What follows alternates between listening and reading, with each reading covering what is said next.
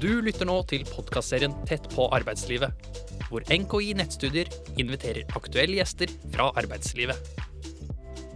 Velkommen, Håkon. Og vel, eller velkommen tilbake. du Ja, har vært her med oss noen ganger. Var vi her igjen, da? Da var vi her igjen. Ja. I dag skal vi inn på et veldig interessant og spennende tema. Mm. Depresjon. Yes. Det er eh, et kjempeinteressant og spennende tema. Ehm, er, du, er du deprimert om dagen, eller? Eh, nei, jeg er ikke deprimert om dagen, men jeg har vært. Du har Tidligere. vært? Ja, tidligere i livet. Hvor lenge siden? Eh, ja, det er noen år siden nå. Opplevde vel noe også i forbindelse med fødsel. Du gjorde det? Ja. Hva med deg selv? Er du deppa? Nei, ikke nå. Heldigvis. Nei. Det er jeg veldig glad for, altså, fordi det er eh, Jo mer jeg jobber med det, jo mer eh, respekt eh, får jeg for den lidelsen. Sykdommen som det faktisk er, da. Så, Ja. Men jeg er ikke det nå. Jeg, men jeg, jeg mener om at jeg jobber eh, litt sånn kontinuerlig med å forebygge det og andre ting. Ja. Så jeg har veldig, veldig respekt for det. Men hva er egentlig definisjonen av depresjon? Det er jo en eh, form for stemningslidelse. Altså en kronisk eh, sykdom, kaller man det ofte. Fordi det er noe som for mange kommer igjen og igjen Ja. gjennom livet. Og som har store konsekvenser på altså psykologisk og kroppslig og generelt i livet. Så det har store konsekvenser individuelt og samfunnsmessig. Mm. Og den, det, det aller mest alvorlige med depresjon er jo at den er jo potensielt dødelig. Du har jo dette med suicidalitet, som er en del av depresjon, og det fører til at folk faktisk velger å ta livet sitt. Mm. Man blir så syk av det. Mm. Så det er en, eh, en ordentlig alvorlig lidelse ehm, som jeg syns vi bare må fortsette å snakke mye om og lære mer om. Ja, fordi det er jo ikke nødvendigvis sånn at hvis du har brukket armen, så vil de rundt deg se det. Mm. Men det er jo ikke alltid det er så synlig at en person er deprimert, eller at man kan på en måte bevise at dette her Nei, det er det som er så frustrerende med det. Man ser det jo ikke. Så det Mm. er så lett å tilskrive det personlighet eller latskap eller ja, eh, mangel på motivasjon eller hva, hva nå enn, ikke sant. Og så er det på en måte noe man sitter ordentlig fast i. Ja. Og, og som man ofte ikke kan noe særlig for heller, eller noe for at man har fått eller uh, utviklet. Mm. Uh, men så får man ikke den synlige skaden, da, som, uh, som gjør at man kan på en måte få både sympati og, og behandling. Ja. Jeg vet ikke, du har, du har jo opplevd litt av det. Hvordan var det for deg? Jeg husker jo at det var en lang periode hvor jeg var veldig sliten. Ja. Og så var det jo sånn at utad så fungerte jeg veldig bra. Jeg jobbet, eller eventuelt studerte, ikke sant. Jeg Mm. eh, var med familie, jeg var med venner. eh, jeg gjorde alt det jeg skulle, til og med trente. Og du gjorde alle de tingene. Ja, og, og liksom smilte utad Mm. på mange måter. Særlig eh, overfor de som ikke er de aller nærmeste, kanskje. Mm. Eh, men, men jeg opplevde bare som at jeg er fryktelig sliten, og jeg sier jo at jeg var sosial og trente, men jeg tell, tell, var liksom i en sånn kom, Hvis jeg drar nå og er sosial med de, Mm. vennene mine, som jeg var veldig close med, kommer jeg til å orke det og det i morgen? Eller kan jeg være Må jeg komme hjem så og så tidlig fordi at jeg må ha nok søvn? Ikke sant? At jeg Ja, hele så du tiden fulgte hadde et veldig med på energien din, og Ja, det, er veldig, det ser veldig mange i deprimerte gjør. er det sant? Ja. Og så var det jo først eh, Så var jeg hos fastlegen en gang og bare prata om hvordan ting var, og så sa han at det var en sånn mild til moderat depresjon, og så tenkte jeg å ja, er det det det er? Trodde bare jeg Ja. var fryktelig sliten. Ja, fordi hva trodde du om deg selv? Det, fordi når man opplever en sånn endring bare jeg har ikke lyst til å gjøre de tingene jeg vanligvis gjør, syns yeah. er gøy lenger, yeah. og jeg føler meg sliten Man begynner ofte å tenke sånn Hva er det med meg, eller er det noe Ikke sant? Hva, hva, hva tenkte du om Ja. deg selv i den perioden? Jeg ble noen ganger litt sånn redd Mm. eh, hvis jeg begynte å reflektere over det, at er det noe galt med meg? Ja. Eh, hvorfor føler man ikke den gleden i ting man gjorde før som ga glede? Mm. Um, og, og så begynner du litt sånn uff, stakkars meg. Ikke sant? Jeg orker ikke, og jeg Mm. Ja.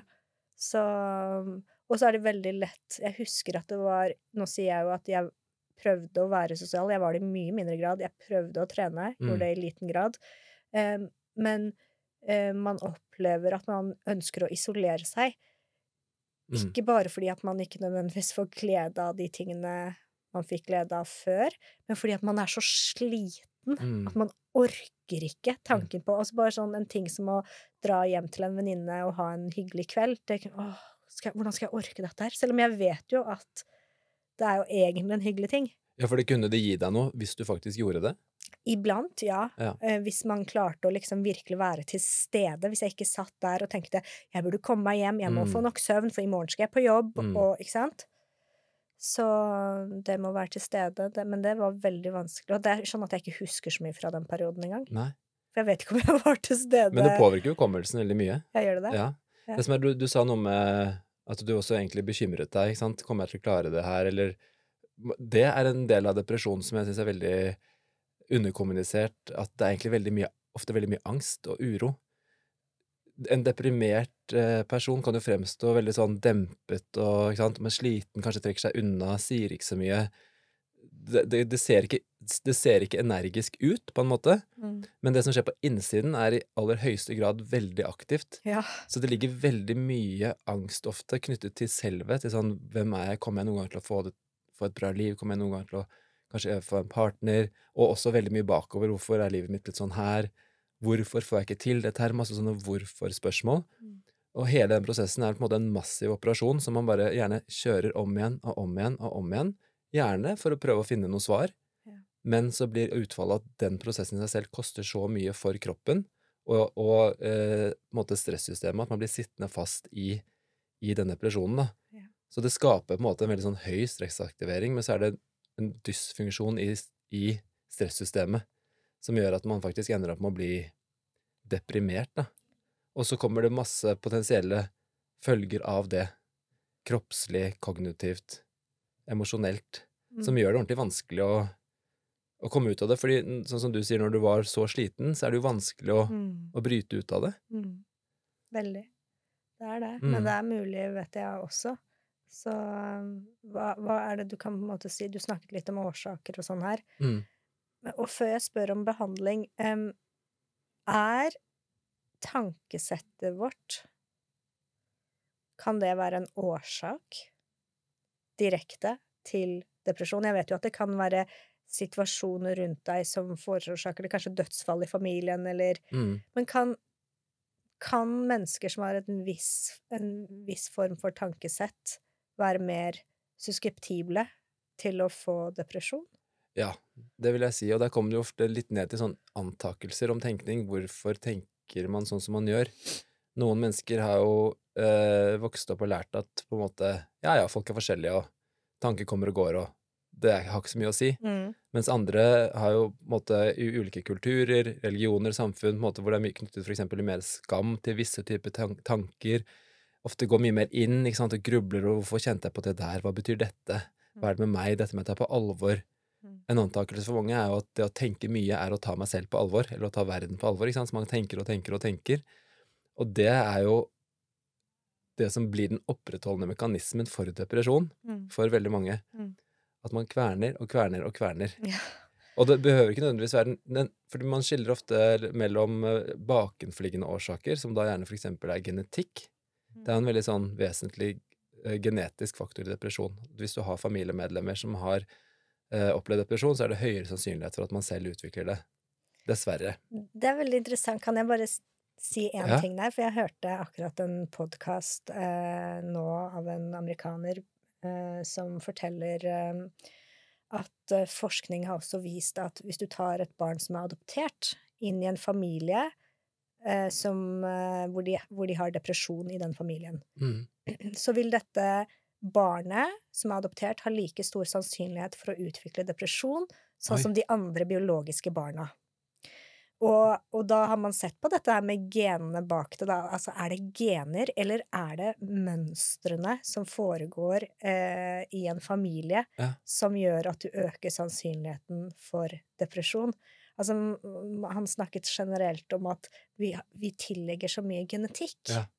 Eh, og det husker jeg jo selv fra da jeg gikk på tannlegestudiet, hvor mye man snakker om genetikk, eller jeg gikk to år med medisinere. Mm. Genetikk var jo veldig viktig, men at man lærer mer og mer nå at mennesket, eller hvis du går på mikroskopisk nivå, på cellenivå, Mm. det er miljøet rundt cellen, det er miljøet rundt mennesket, som ofte predikerer Hva som skjer, da. Det er så fascinerende. Ja, det er det. Det gir jo egentlig litt mening når man tenker på hvor mye Hvor prisgitt man er de omstendighetene. Mm. Man er jo helt hjelpeløs. Mm. Så alt foreldre og miljø gjør rundt deg, påvirker deg jo ekstremt direkte. Så det gir jo veldig mening. Ja, Og så kan det sammen også påvirke genene igjen, da, ikke sant? Hva som slår ut. nettopp. Det er jo det han mente også. Du nevnte barndommen. At han sier jo det at um, frem til de syv første årene av livet vårt, så er vi veldig um, mottagelige for å observere og se det som skjer rundt oss, og bare lime det inn i underbevisstheten Mm. vår, og så handler vi ut fra det eh, senere i livet. Ja. Disse programmene som vi downloader opp til syv år. Og at eh, Ja, det var det med barndommen. Hva var det andre du sa? Hva da? Nei, eh, ja, så um, Det er jo de derre eh, Fordi sant, genetikken er én ting, altså rent sånn hvilken programmering vi på en måte blir født med, men så har du også disse tidlige Altså miljøet, Mm. stress eh, i miljøet hvis du opplever tidlig tap, eksempel, av omsorgspersoner eller noen som er veldig nære, eller traumer, Mm. eller traumer senere i livet. Mm. Alt det er med å påvirke Mm. hvor eh, sårbar, eller hvor utsatt du er for en depresjon. Så du kan jo ha en ganske sånn sterk genetisk eh, komponent, Mm. men ikke få depresjon fordi du på en måte skånes for belastende hendelser, da. Mm. Og så kan du ha en veldig lav, eller ingen genetisk eh, komponent, men samtidig oppleve noe som er så omfattende og voldsomt at du også da utløser, at du utløser en depresjon, da. Mm. Så Men det er jo den der genetiske sårbarheten som er liksom Mm. eh, det som på en måte Hvor, som, hvor folk varierer, da. Um, så du har liksom bakenforliggende årsaker, og så har du utløsende årsaker, som er de tingene som på en måte får oss til å havne inn i det depressive mønsteret. Mm. Det kan jo være stress over lang tid, det kan være tap, uh, det kan være graviditet. Den er jo Mm. Veldig viktig. Det er mange, mange, mange, mange kvinner som opplever det. Forferdelig tøft. Så det er, det er tøft nok å få barn. Det er veldig fint òg, men det er også helt forferdelig tøft. det er jo, ikke sant? Og så, og så blir man deprimert i tillegg. Mm. eh, Og liksom klarer ikke glede seg over det, og opplever at man kanskje ikke klarer å ivareta barnet sitt så godt man kan. En forferdelig situasjon. Mm. Um, og med så mye skam Ja. og skyld på Mm. toppen av det. Mm. Um, så det er de utløsende årsakene, og så har du det som er de opprettholdende. Det som faktisk opprettholder med, eh, depresjonen, og det er gjerne da tankemønster. At du, du, du på en måte blir sittende og analysere og gruble. Tenker kanskje mye tilbake på ting. Kjenner på skyld. Skam. Uh, hvorfor gjorde jeg det sånn? Hvorfor har livet mitt vært sånn? Sammenligner seg med andre. Um, eller de mer uh, Ja, og hukommelsessvikt. Ikke sant? Man begynner å huske dårligere, fungere dårligere. Mister selvtilliten av den grunn. Uh, og også energi. Man begynner å isolere seg. eh, mindre med på ting. Mm. Man blir mindre, da blir man også mindre forstyrret i tankemønsteret sitt, så man får mer tid til å sitte og tenke. Så det er en veldig sånn destruktiv spiral, da. Mm. Som, eh, som skaper eh, ordentlige fysiologiske endringer i, i hjernen, da. Ja, Mm. fordi hjernen er plastisk, Mm. er den ikke det? Jo. Man trodde før at den var mer statisk. Det er akkurat det. Så det endrer blant annet det med plastisitet, om hvordan hjernecellene kommuniserer, og i hvilken grad nye baner lages. Mm. Og også det med regenerering av hjerneceller. Det måte eh, går ned i depresjon, og hjerneceller Mm. dør faktisk, fordi man ser at det er dette kortisol, stresshormonet, Mm. eh, som er eh, veldig høyt.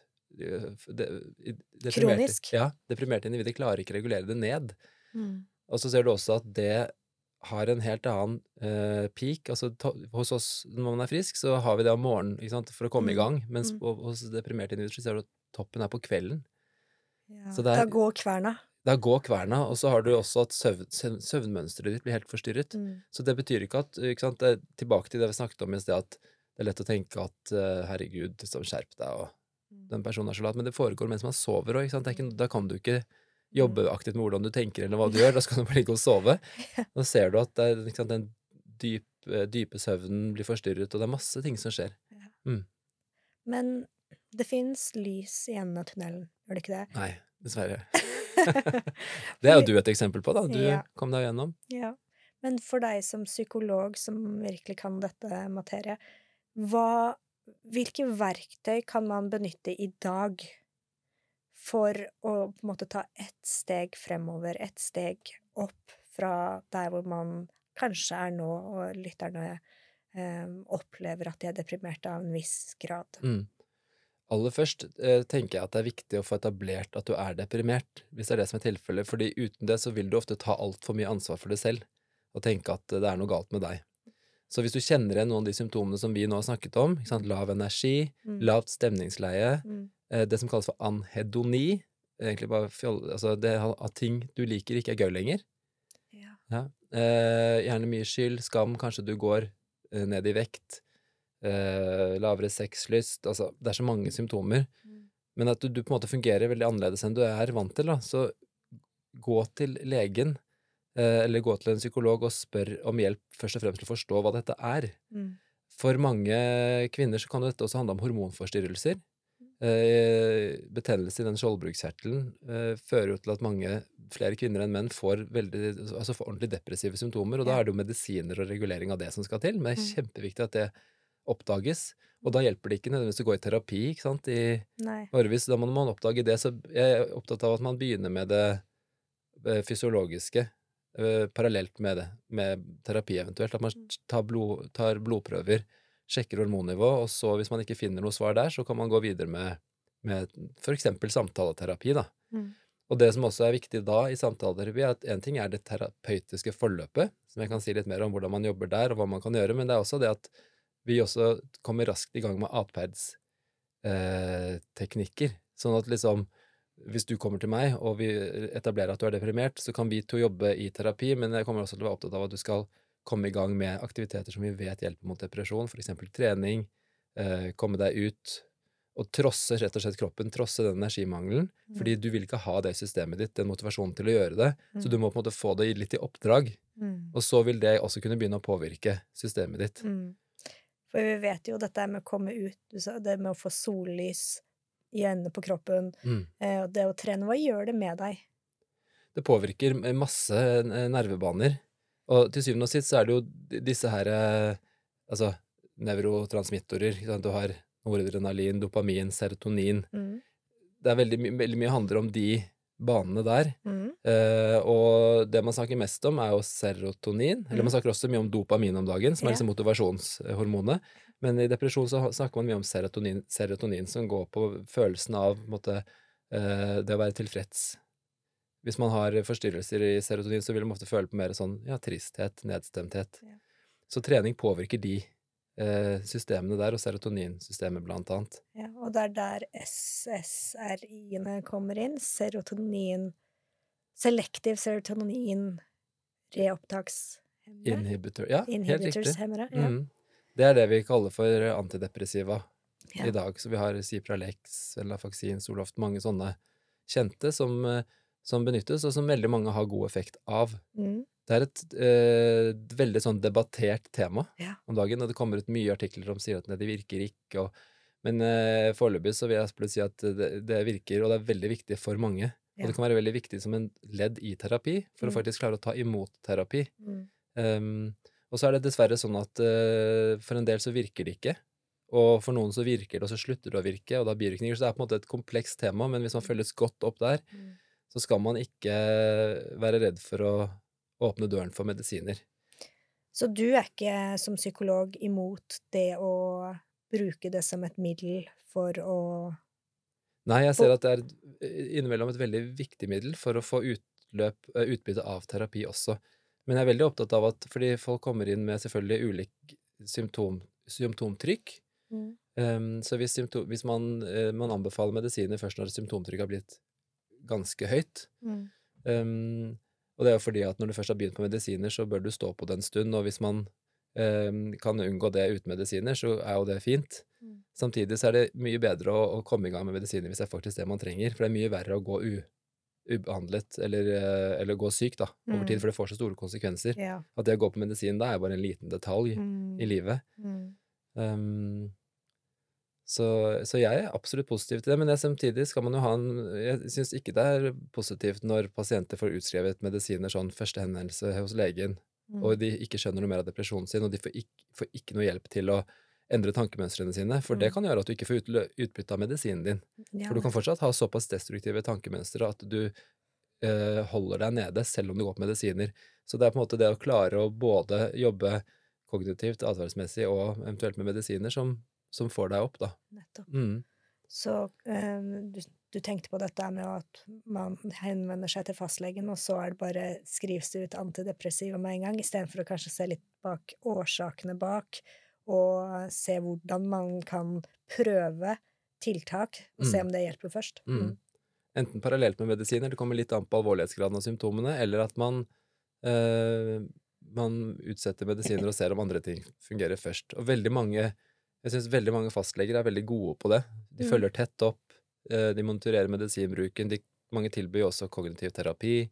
Så Som det, fastlege? ja, Ja. så det er veldig, jeg syns det er jevnt over veldig mange flinke fastleger eh, eh, i møte med depresjon, da. Så bra. Ja, og så trenger man noen ganger ikke sant? En fastlege har ikke de samme rammene som f.eks. en psykolog har, da, til å sitte i lengre timer og jobbe enda mer sånn terapeutisk. Så noen ganger så er det Ja. noe som må til i tillegg, da. For dere er vel mer spesialister i matters of the mind, Matters of the mind. Ja, hvis jeg kan si det sånn. ja det blir jo det. At vi sitter og jobber liksom mye mer med Ja. innhold, og der har vi jo ulike metoder og modeller og Ja. verktøy som vi kan fordype oss i og bruke.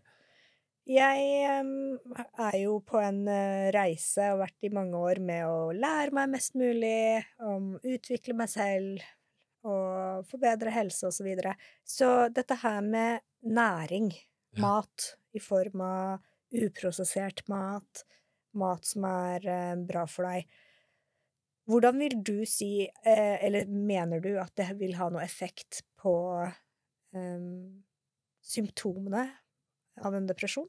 Jeg eh, kan ikke sånn på ernæringsfysiologisk nivå fortelle noe og si noe om det, men jeg ser jo og får jo med meg eh, hva som skjer på for forskning på dette her. Så jeg vil jo si at ja, kosthold spiller en vesentlig rolle. Mhm. Og jo mer eh, av det man spiser som skaper på en måte inflammasjon yeah. og betennelse, jo mer sårbar, tror jeg, man er for depresjon.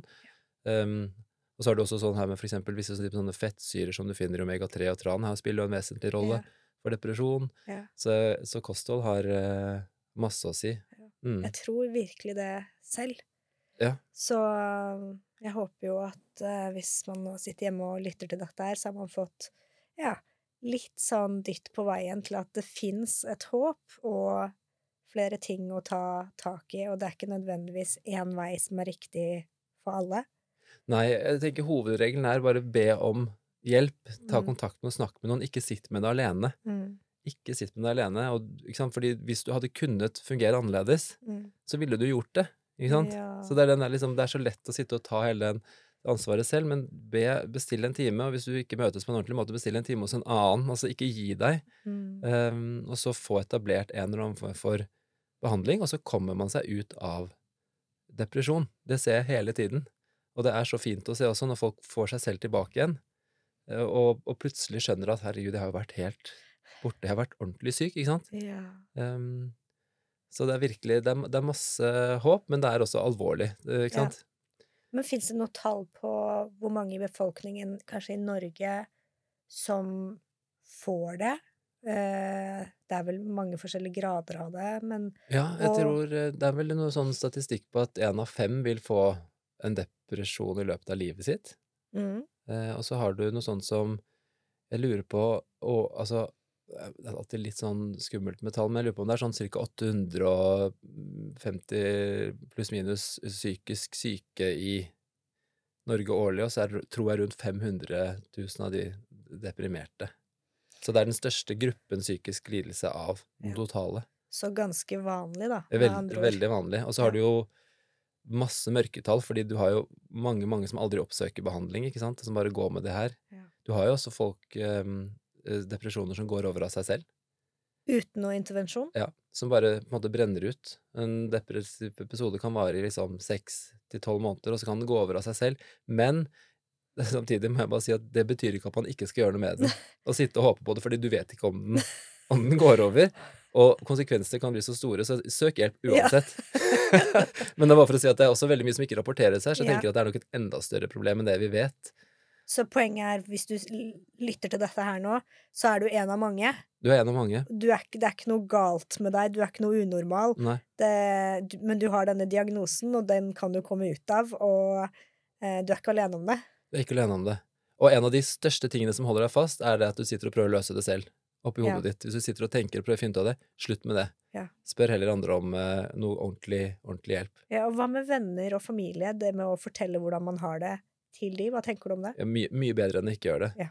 Men det kan jo bli vanskelig noen ganger, fordi ofte så blir de mer bekymret. Ja. Og så er jo familier så ulike, ikke sant? så noen vil jo bare slenge på enda mer dritt på deg. Man, har, man er jo dessverre prisgitt den familien man har, men jeg tenker at uansett heller det enn å sitte alene med det. Mm. Og så spør, men kanskje man heller kan da spørre om hjelp til kan du hjelpe meg å komme meg liksom videre i systemet, Mm. enn nødvendigvis om den personen skal sitte og si sånn hva er galt med meg, skjønner du det, Ja. så får du en eller annen analyse som du bare Mm.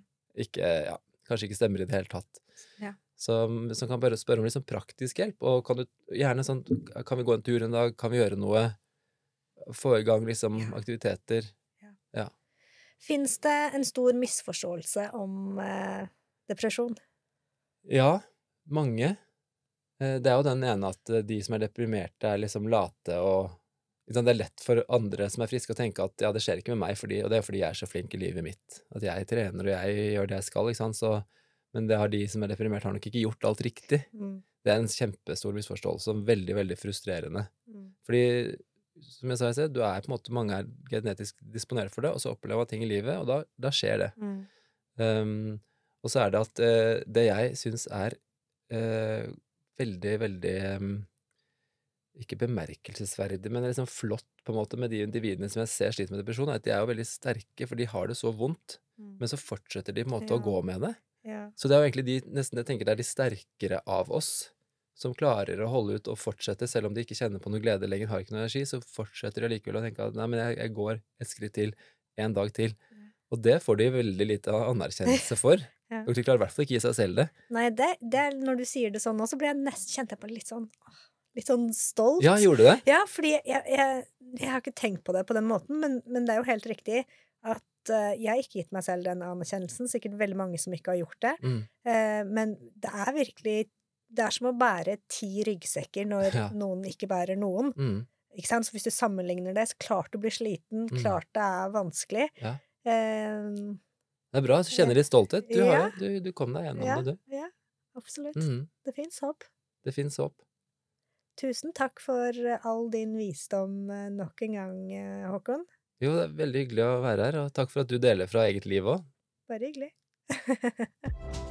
Du har nå lyttet til en podkast fra NKI Nettstudier. Hvis du er nysgjerrig på våre studier, gå inn på nki.no.